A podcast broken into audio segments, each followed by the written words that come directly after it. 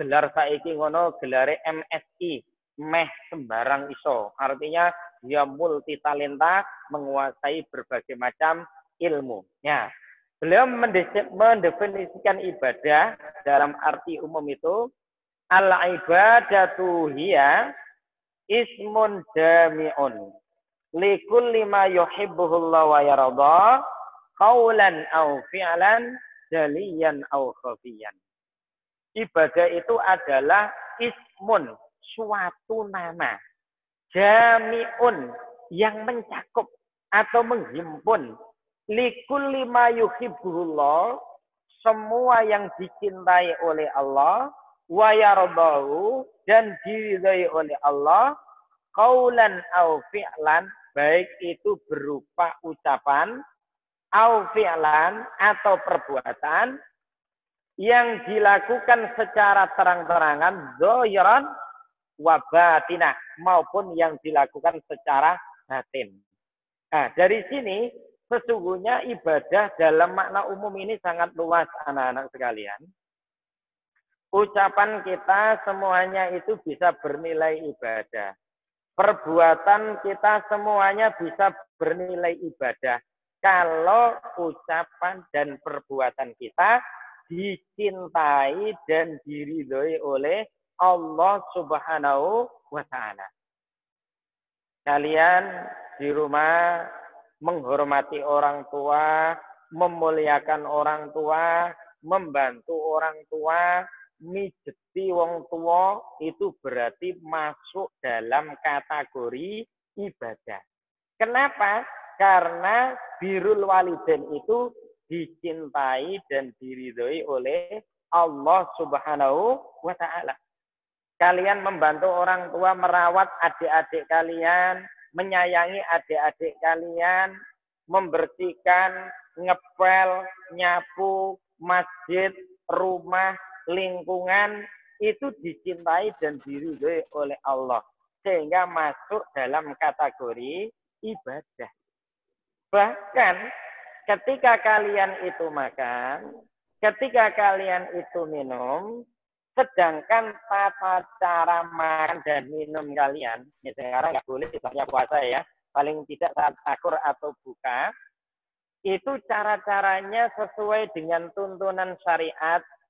Bismillah, tangan kanan, duduk, minum kalian begitu, makan kalian begitu, saat takur begitu, saat buka begitu, maka makan dan minum kalian itu masuk kategori ibadah.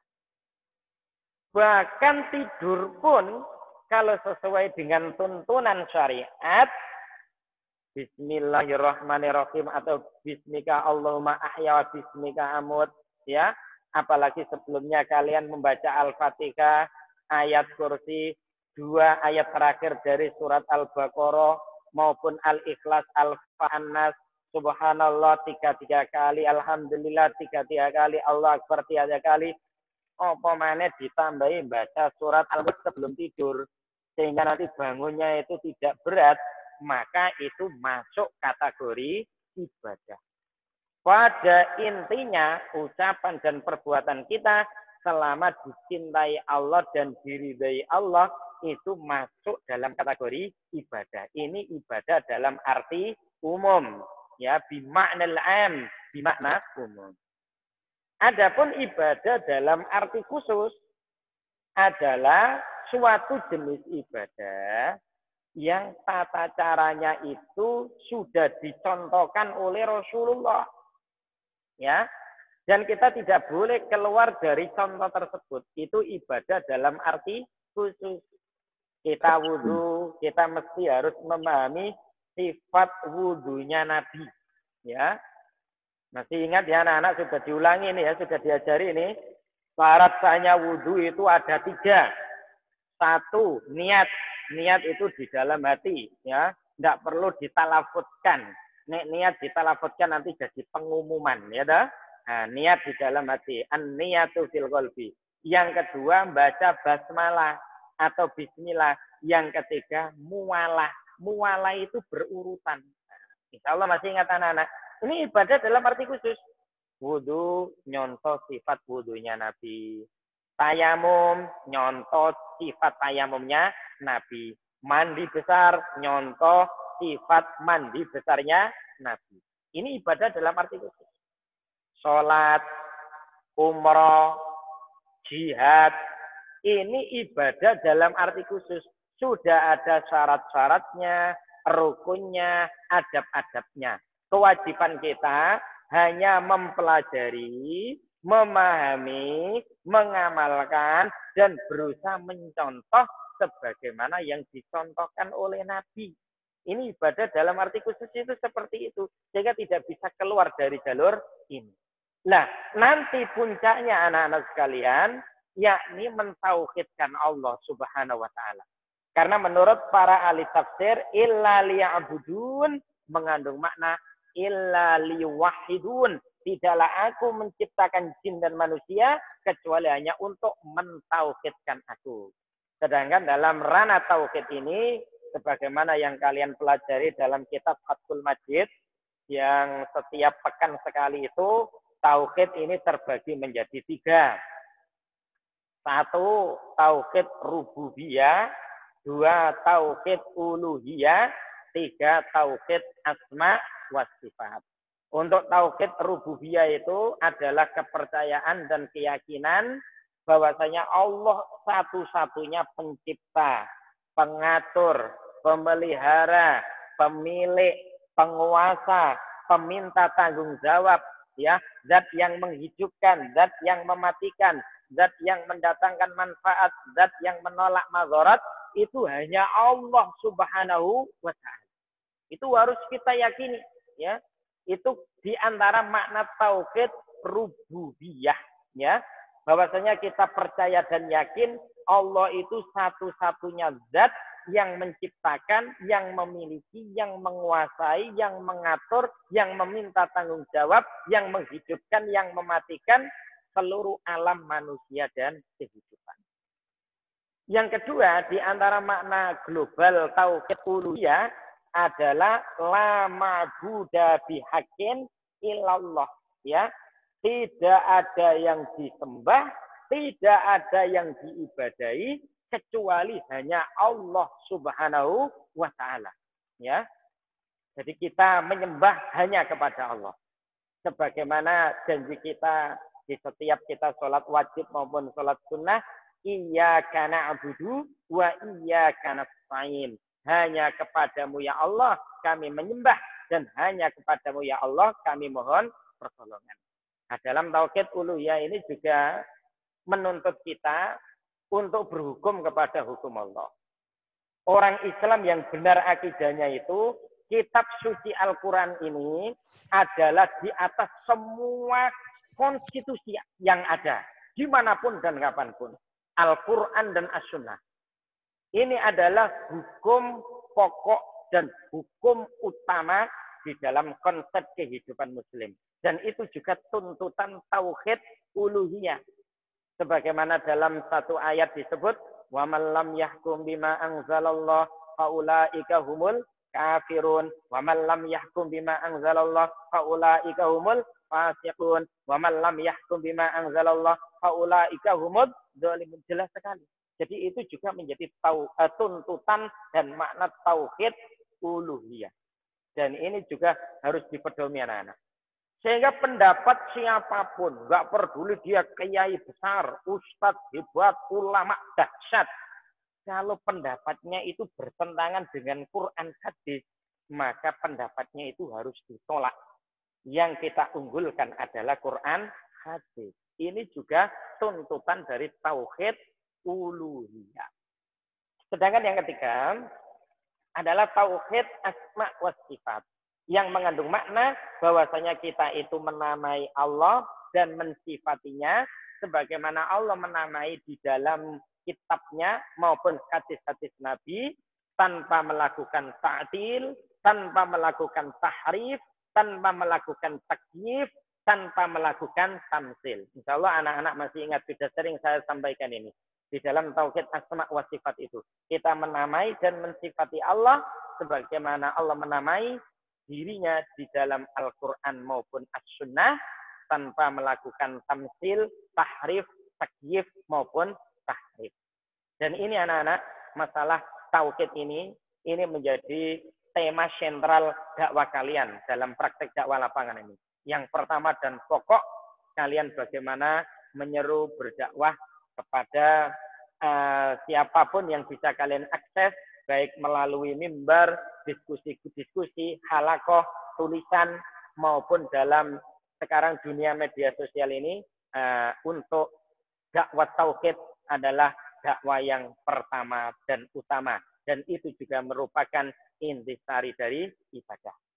Demikian sebagai pengantar tentang konsep uh, dan makna ibadah yang kami sampaikan. Mudah-mudahan bermanfaat.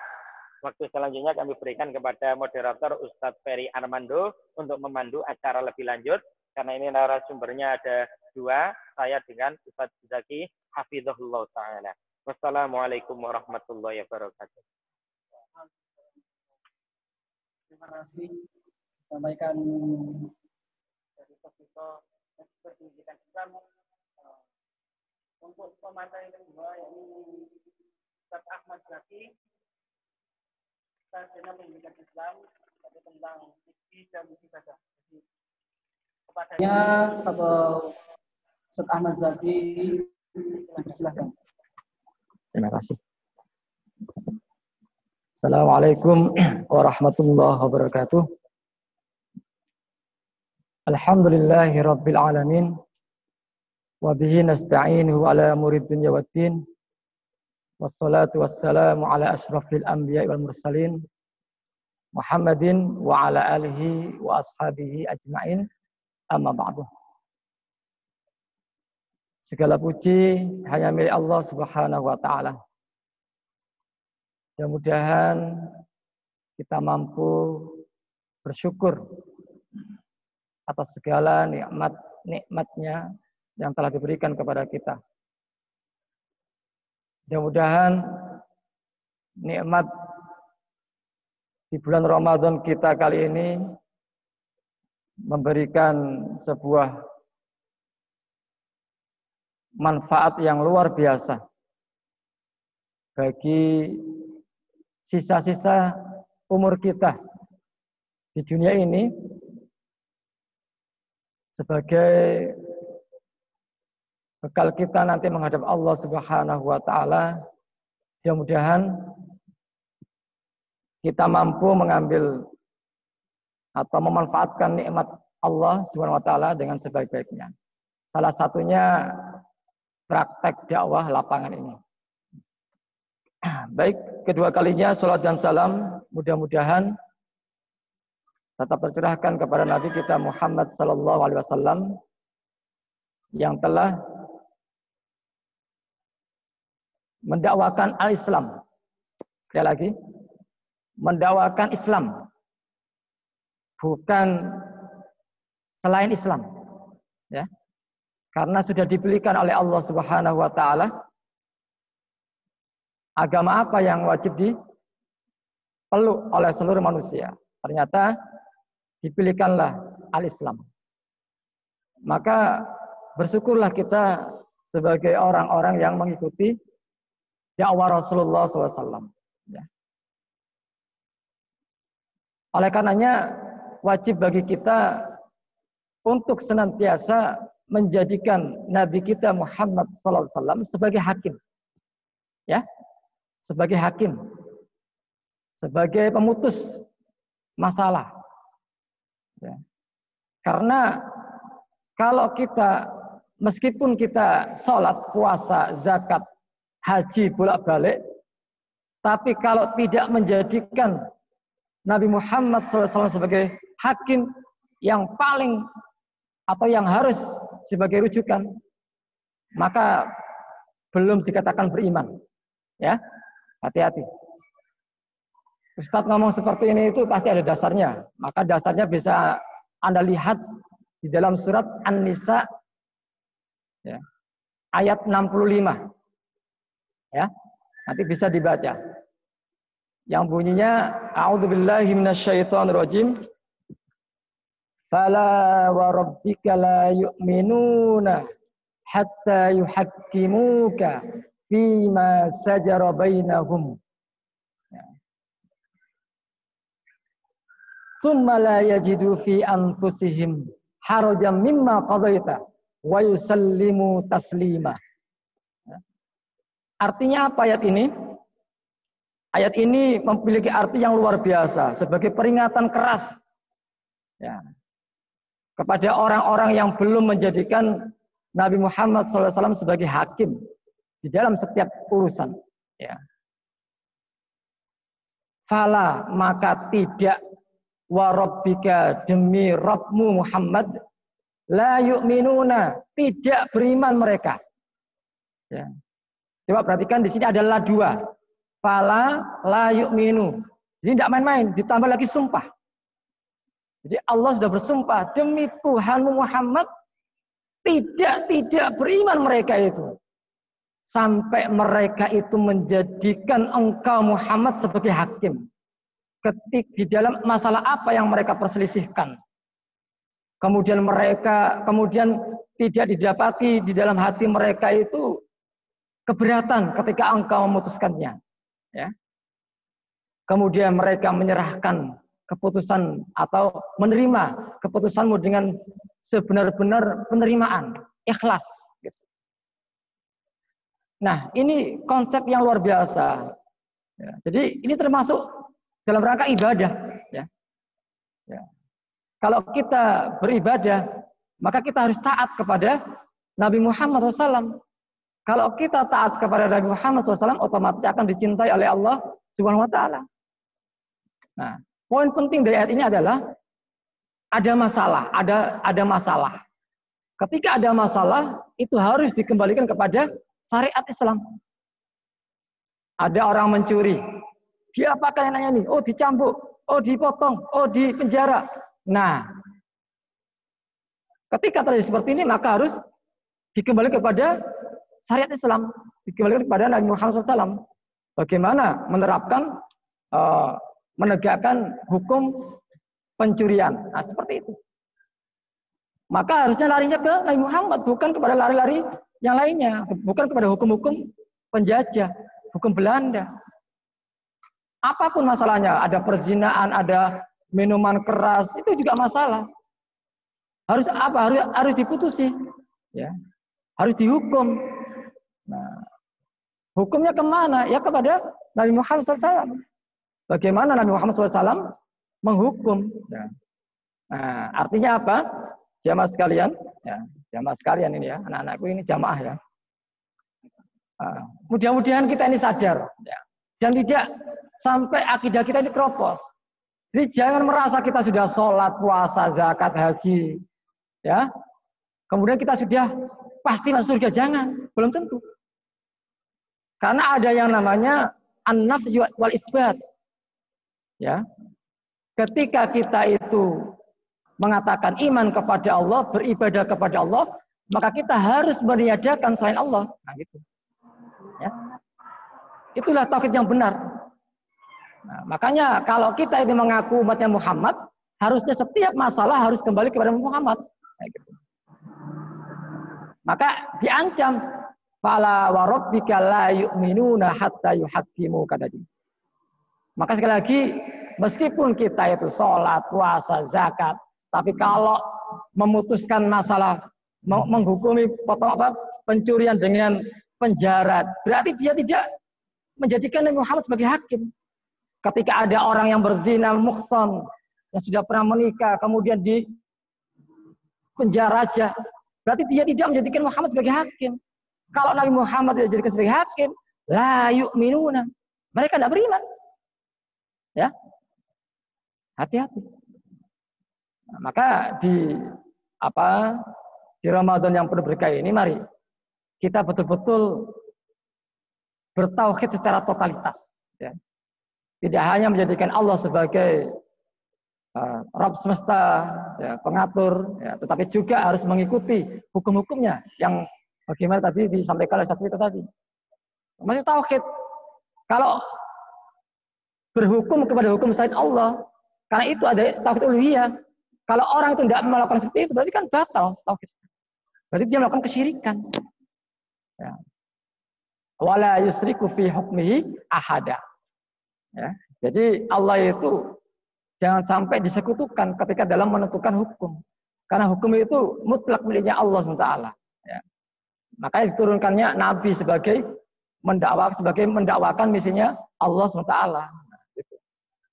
Paham ya? Jadi anak-anak sekalian, mari kita perbaiki tauhid kita. Karena tauhid ini nanti yang akan menyelamatkan kita dari adab Tuhan. Ya. Allah alam, apakah Ramadan kali ini kita akan mengalami Tuhan ataukah Ramadannya akan datang? Ya. Allah alam. Nah, tapi kalau kita mengalami tahun ini, maka bisa dijadikan sebuah uh, apa namanya? titenan gini. Kan Tuhan itu kan azab dari Allah, ya. Bagi orang-orang kafir. Ya.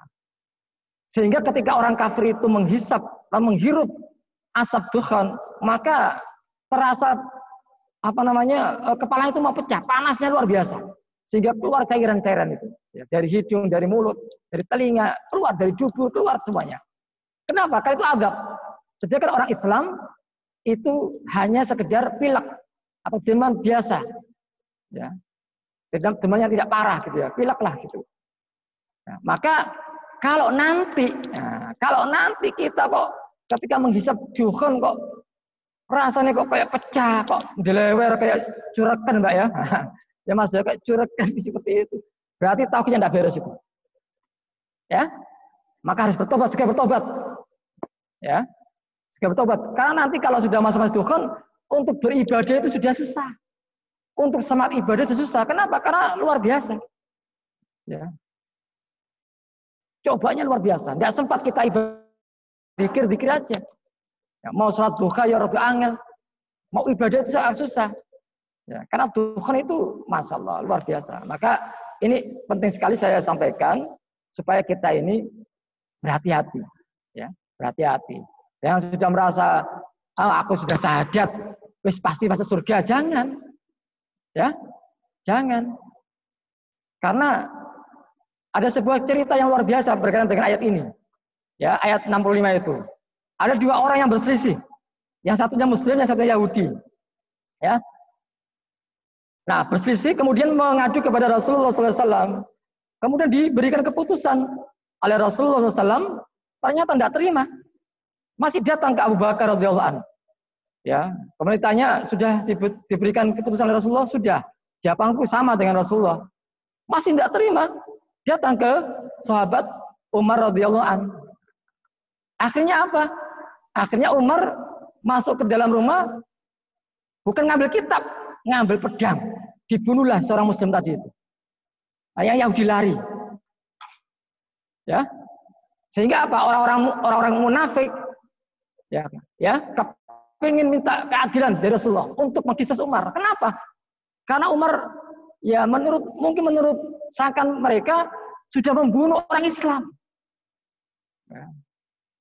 Jadi di sini apa? Tidak perlu tanya hatinya. Nah, nunah bidawahir. Kita menghukum yang nampak-nampaknya. Ya.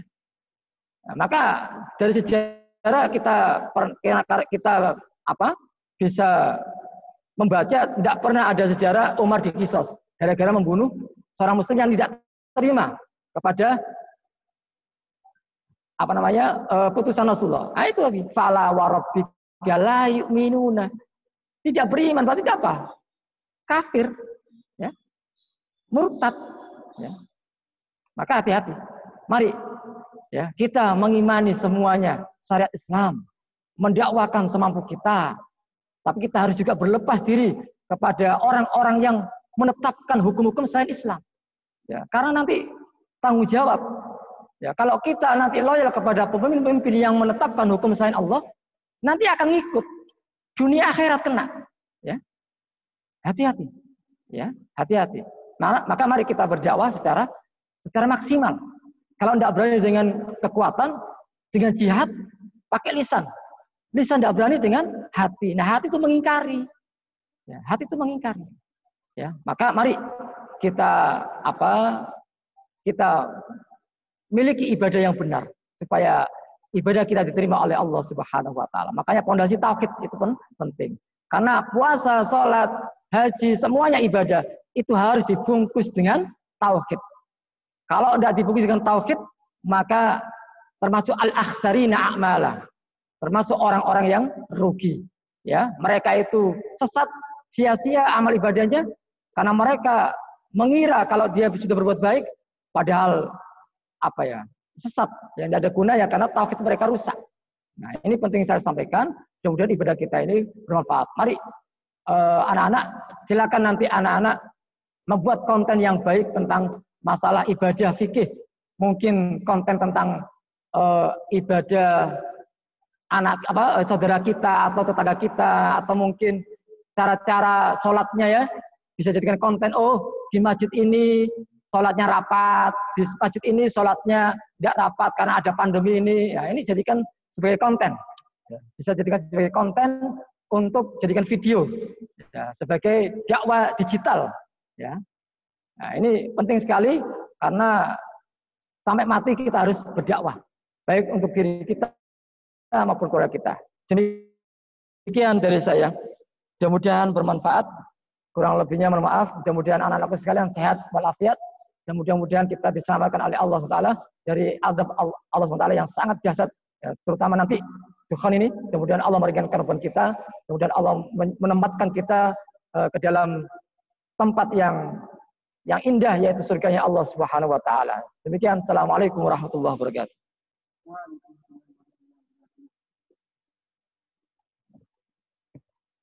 Terima kasih disampaikan uh, atas materi yang telah disampaikan oleh Ustaz Zaki. Untuk acara selanjutnya yakni sesi tanya jawab. Kami buka tiga pertanyaan kepada seluruh santri. Bagi yang ingin bertanya, silahkan bisa melalui chat, chat aplikasi Zoom. Jadi silahkan kami beri waktu uh, untuk bertanya. Kami buka tiga pertanyaan.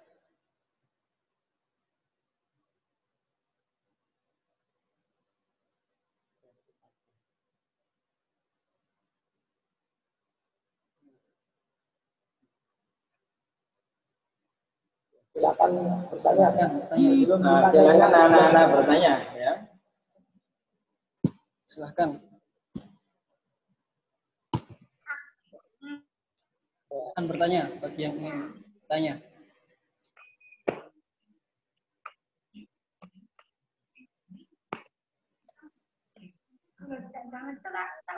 Haidar mungkin lisan oh berduaan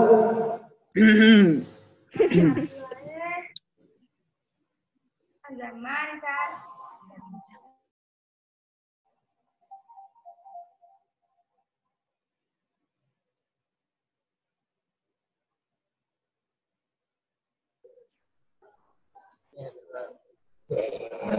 Ini pertanyaan.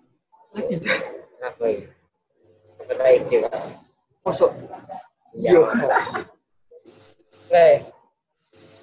Oke. Masih saja. Oke, Tat. Assalamualaikum. Kalau mau tanya di sini atau ditulis kan? Silakan.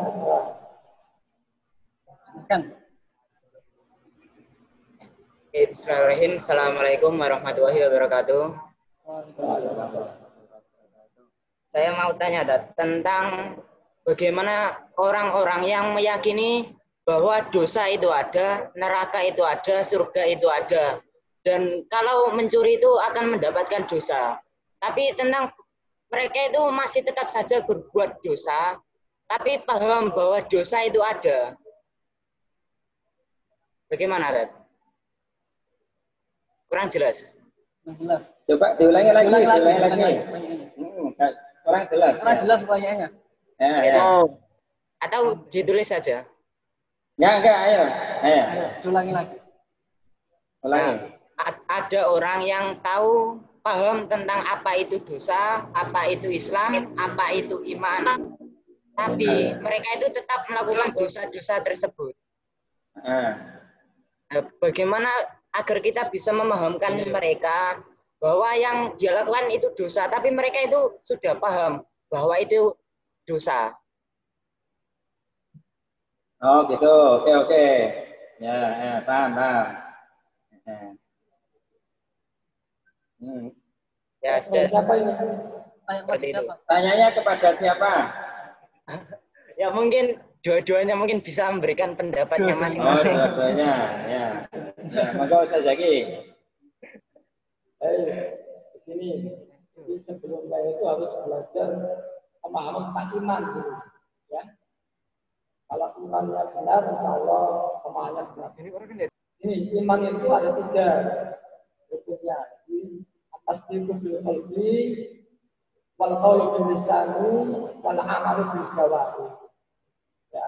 Membenarkan dengan hati, kemudian mengucapkan dengan lisan, bisa mendapatkan atau mendapat harus sebagainya itu ya dan mengamalkan Nah, tiga-tiga ini nggak boleh dipisahkan. Ini syarat sah keimanan seseorang. Ya. Nah, kalau ini sudah sudah apa namanya sudah di dilakukan ya sudah di, dipahami. Nah, misalkan dia itu eh, paham dia nyuri itu dosa, ya, ya, dia nyuri dosa. Maka kalau dia mencuri dia berdosa, tapi tidak mencap, tidak sampai kepada derajat murtad, ya, karena karena apa dosa-dosa besar ini tidak sampai menyebabkan orang murtad. Nah, beda dengan khawarij. Kalau khawarij itu satu saja perbuatan dosa besar yang dilakukan, maka dia murtad. Nah, itu khawarij. Nah, kita tidak seperti itu. Kita pemahamnya alusnya wal jamaah. Nah, jadi eh, kalau misalkan ya dia itu kok wes ibaratnya itu yang penting syahadat. Aku pokoknya penting syahadat. Yang penting mengu- mengucapkan la ilallah. Ya, meskipun berbuat dosa tidak masalah. Ya, meyakini seperti itulah. Yang penting saya sudah itu. Nah, ini tidak boleh. Batal keimanannya. Ya, batal. Ya. Makanya hati-hati. Makanya ini ini penting. Eh, hati harus membenarkan, lisannya juga harus benar, amalnya juga harus benar. Tiga-tiga ini harus action. Tidak boleh dipetel-petel. Oh cukup hatinya saja, ya kemudian melakukan apa-apa tidak masalah. Penting Islam, penting eh, apa namanya hatinya itu mantap, sudah mengucapkan illallah, pasti masuk surga. Tidak gitu, belum bisa, tidak bisa. Harus tiga ini harus dulu, ya harus tiga ini dulu yang harus dikuasai, harus dimiliki, ya. Karena tadi saya katakan nahnu nahkum bidawahir. Nah, gitu ya. Nah, kalau kalau amalnya itu tidak pengaruh kepada seseorang bahaya. Ya, apa gunanya? Dia syahadat kepada Allah. Ya asyhadu alla ilaha illallah. Tapi dia melakukan kesyirikan, misalkan nyembah kuburan, minta kepada kuburan. Nah, itu kan melakukan pembatal keislaman, ya.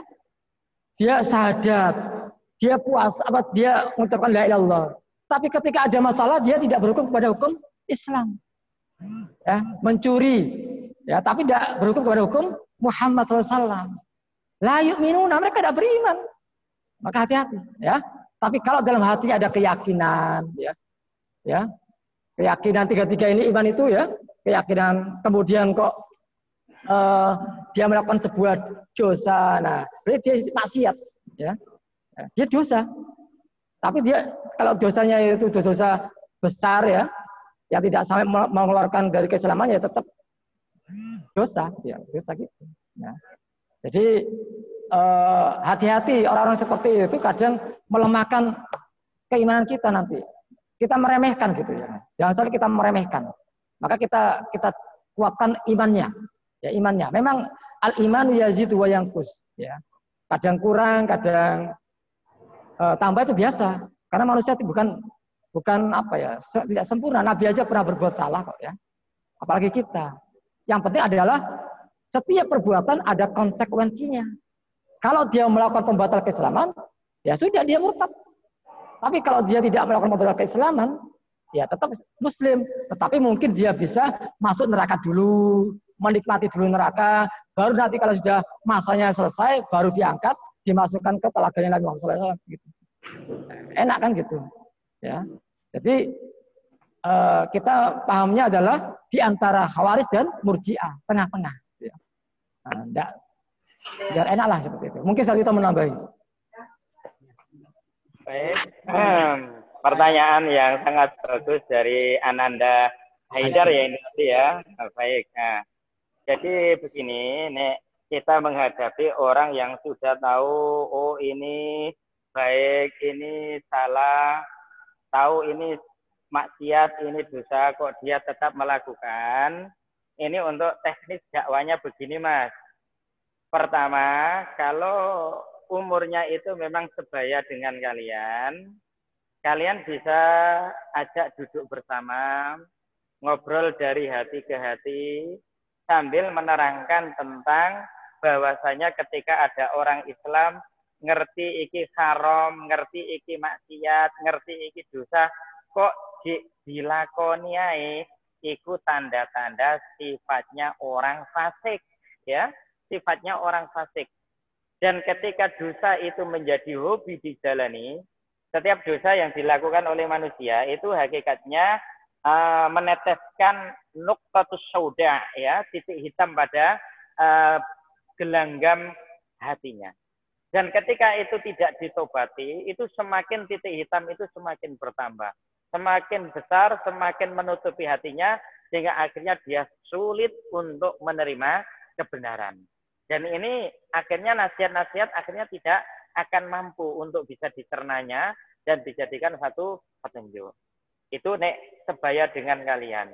Dan ketika dosa itu dilakukan oleh mungkin orang-orang yang umurnya itu lebih tua daripada kalian, maka di saat kalian menyampaikan di mimbar, pilihlah bahasa yang santun, bahasa yang uh, sopan, yang tetap tidak menghilangkan ketegasan. Mungkin di antara contohnya kalian sampaikan pada uh, jamaah itu tentang kisah-kisah khusus orang-orang yang meremehkan dosa. Mungkin kalian juga perlu memberikan satu perbandingan bagaimana orang munafik di dalam uh, memandang dosa dan bagaimana orang mukmin di dalam memandang dosa. Kalau orang munafik itu memandang dan menilai sebuah dosa itu tak ubahnya seperti ada lalat yang hinggap yang bisa dihalau secara mudah dengan tangannya atau dengan alat-alat yang dia jangkau ketika itu. Itu orang munafik dalam memandang dosa. Artinya sangat remeh, sangat ringan, sangat enteng. Nah, ini juga bahaya nanti Mas. Kalau orang itu terus melakukan hal-hal yang demikian bisa juga terjerembab terjerbab kepada kenifakan atau kemunafikan. Nah, berbeda dengan orang beriman ketika memandang sebuah dosa. Orang beriman memandang sebuah dosa itu seakan-akan di atasnya itu akan ada gunung atau batu yang jatuh yang akan menimpai dirinya. Sehingga dia sangat takut untuk uh, meremehkan sebuah dosa. Nah, itu juga perlu uh, jadi bahan kalian untuk menerangkan hal-hal yang demikian. Selanjutnya hukum kaitannya dosa itu memang begini yang disampaikan oleh Zaki tadi. Kalau saya simpulkan, sikap ahlu sunnah wal jamaah itu berada di tengah-tengah mas ya antara sikap murjiah dan sikap khawarij. Kalau khawarij itu memandang dosa besar itu menyebabkan satu kekafiran yang pasti ada jaminan masuk neraka.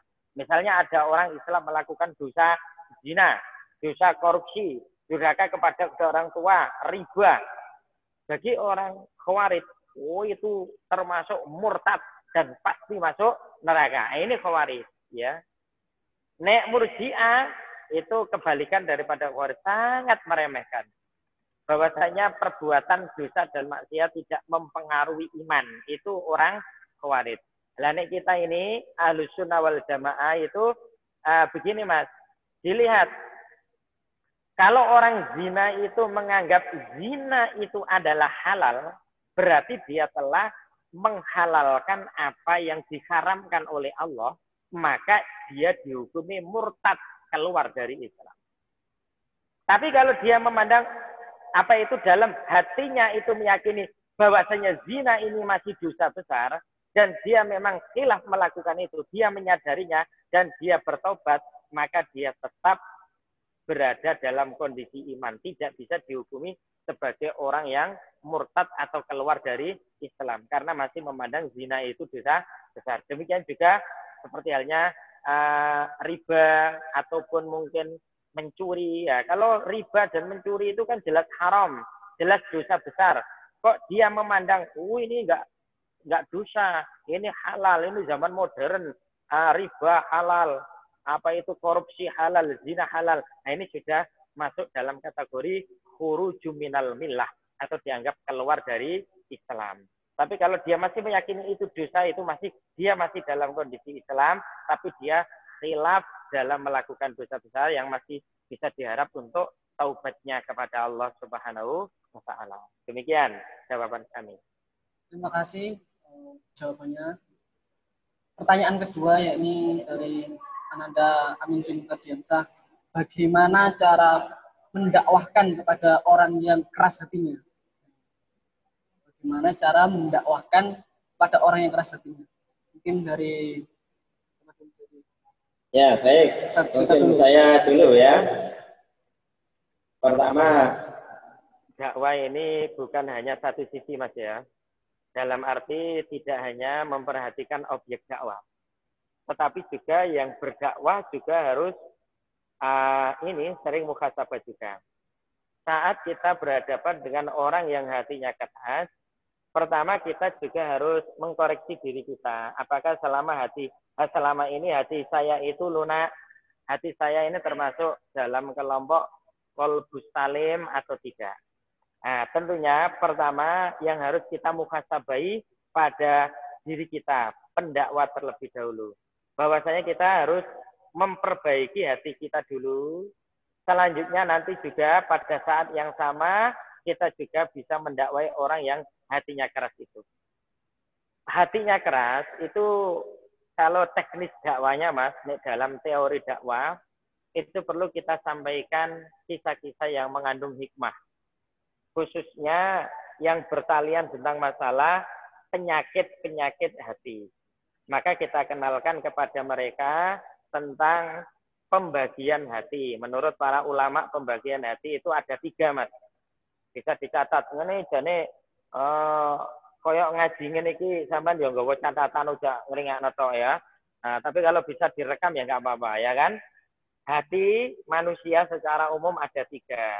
Satu, kolbus salim, hati yang selamat, hati yang sehat, hati yang berisi iman, hati yang berisi takwa, hati yang berisi takorup ilallah ini termasuk kolbus salim. Yang kedua ada yang disebut dengan kolbus sakim, hati yang sakit ya. Modelnya kalau gampangannya itu ne ono muslim STMJ, ini hati yang sakit mas. STMJ sholat terus, yo ya maksiat yo ya jalan terus. Yo ya maca Quran terus tapi gondaan terus ya itu. Ini termasuk hati yang sakit mas, hati yang sakit ya. Nek kita baca Quran setengah jam, iku moto wis suwepet, lelah. Tapi nek maca WA rong jam kok cek mendulu matane. Nah, itu hati yang sakit, Mas. Itu tanda-tanda hati yang sakit. Ini perlu banyak-banyak istighfar kepada Allah. Apalagi ini bulan Ramadan loh ya. Harus lebih banyak baca Quran daripada baca WA, ya ta? Apa itu baca YouTube nah, itu ya. Jangan sampai ya. Ini Ramadan ini sangat istimewa. Saya perlu ingatkan, baca Quran satu huruf aja sepuluh kebaikan, ya. Man qara'a harfan min kitabillah falahu bihi hasanatun wal hasanatu bi asyri amsalha wala aqulu alif lam mim harfun walakin alifun harfun walamun harfun wa mimun harfun akhrajahu tirmidzi Barang siapa yang membaca satu huruf dari kitab Allah, dia mendapatkan satu kebaikan. Wal hasanatu bi asyram saliyah. Dan satu kebaikan itu dilipat gandakan oleh Allah menjadi sepuluh kebaikan. Kata Nabi, wala lu alif lamim harfun. Aku tidak mengatakan alif lamim satu huruf, walakin alifun harfun, walamun harfun, wa mimun harfun. Tapi alif satu huruf, lam satu huruf, mim satu huruf. Baca alif lam mim saja sudah 30 kebaikan. Itu baik yang paham maknanya maupun yang tidak paham maknanya. Yang paham maknanya dapat bonus lebih. Ma'as safarotil kiramin baroroh. Bersama malaikat-malaikat yang mulia. Satu huruf, sepuluh kebaikan itu di luar Ramadan. Tapi kalau di dalam Ramadan, lebih lagi mas. Tidak terhingga. ya asyamul eh uh, fa innahu li wa ana ajzi bihi. Allah sendiri nanti yang langsung membalasnya dirahasiakan pahalanya oleh Allah Subhanahu Subhanahu wa taala. Sehingga pahalanya tidak terhingga. Ini momentum yang baik untuk membaca Al-Qur'an untuk supaya hati kita tidak keras, hati kita tidak sakit, hati kita tidak lunak. Karena Quran itu syifaun, obat ya, baik untuk penyakit hati maupun penyakit fisik bahkan. Ini Al-Quran ya. Kemudian yang ketiga ada yang disebut dengan kolbul mayit, hati mati ya, hatinya orang yang mati. Ini hatinya orang-orang kafir ya. Ini adalah kolbul mayit yang mereka tidak memperoleh hidayah Allah Subhanahu wa taala. Demikian jawaban kami. Wassalamualaikum warahmatullahi wabarakatuh. Ya, cukup uh, satu aja kalau memang kita sudah mendawai orang tersebut dengan berbagai macam cara, ya, yang tadi sudah disampaikan satu itu, ya kita doakan aja. Ya. Kita doakan. Ya. Mudah-mudahan eh, Allah mengijabai doa kita gitu. Ya, kita doakan. Ya. Tapi yang perlu disadari adalah meskipun kita sudah mendakwakan sampai eh, apa ya, ya sampai kita lelah gitu ya, sampai capek gitu, perlu diketahui bahwa uh, sesungguhnya engkau tidak bisa menunjukkan orang yang kamu cintai. Ya. Ya. Tapi Allah lah yang mencintai. Allah lah yang menunjukkan itu. Inna kalan tahdi man ahbab man, ah, ahbabta. Walakin Allah yahdi mayasa. Jadi hanya Allah yang bisa memberikan petunjuk itu. Maka doakan. Ya, doakan. Siapa tahu dengan doa antum uh, di bulan Ramadan ini dijawab oleh Allah sehingga dia seperti sehingga orang yang kamu doa itu seperti Umar Umar itu sangat keras, ya hatinya keras. Tetapi ketika doa Nabi Muhammad diijabai, Umar itu sebagai orang yang keras ya terhadap orang kafir. Ya, keras terhadap kemungkaran dan sangat kuat memegang syariat ajaran Nabi Muhammad SAW. Itu yang perlu saya sampaikan. Terima kasih. Terima kasih disampaikan. Uh, untuk penanya yang terakhir, pertanyaan dari Siti dari Ananda Siti Madiatur Rahmah yakni pertanyaannya Ustadz boleh apa tidak sholat jamaah itu dikasih jarak pertanyaannya Bangga saya lagi silakan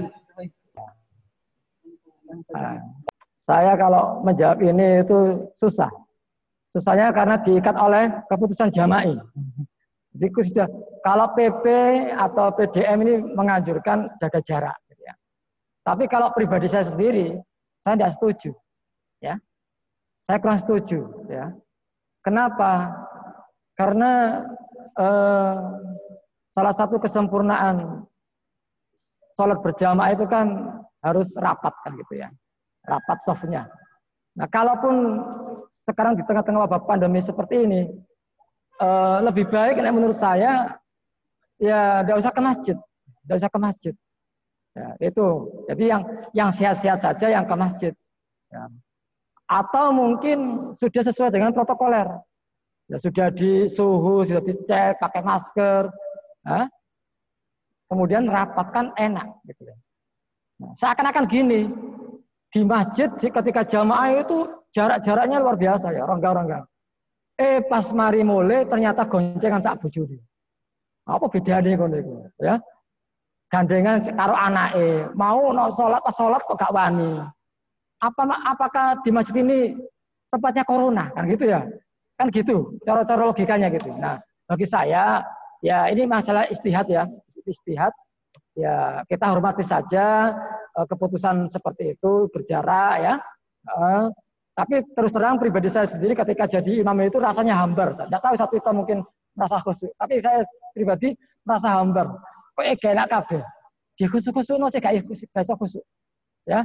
Apalagi apa? Apalagi ketika membuat safnya itu salah. di belakang saya itu kosong, dia ada pengganti saya kalau saya batal gitu loh. Jadi pas itu, tuh kok tidak ada yang gantikan saya gimana terus habis jamaah saya, habis sholat saya saya beritahu ini buatnya salah ini pak. Harusnya kalau eh, apa namanya harus ada di, di belakang saya sehingga nanti kalau saya batal ya atau pas saya mati kan diganti kan itu tidak ada. Jadi di, malah tidak ada di samping-sampingnya. Nah nanti akan terjadi royo aniki sopo sih masih akan bubar kok. Nanti takutnya nanti monggo monggo monggo monggo. Tapi salat jalan buyar kok akhirnya. Nah ini ini perlu karena membuat maka uh, pusatnya harus imam imam dulu titiknya. Baru imam ada penggantinya baru yang lainnya. Nah jadi pribadi saya sendiri uh, ya karena saya jadi imam maka saya mengikuti ke, ke, kebijakan dari uh, takmir setempat. Tapi kalau saya misalkan uh, di Al-Mizan, alhamdulillah ya, apalagi juga di paciran-paciran itu serapat kabel lah gitu ya. Bismillah gitu ya. Nah, seperti itu. Dan memang uh, ini wilayah-wilayah khilafiyah ya. Mudah-mudahan kalau benar dapat dua, kalau salah tetap dapat satu. Itu aja dari saya. Mungkin satu itu menambah. Ya, baik.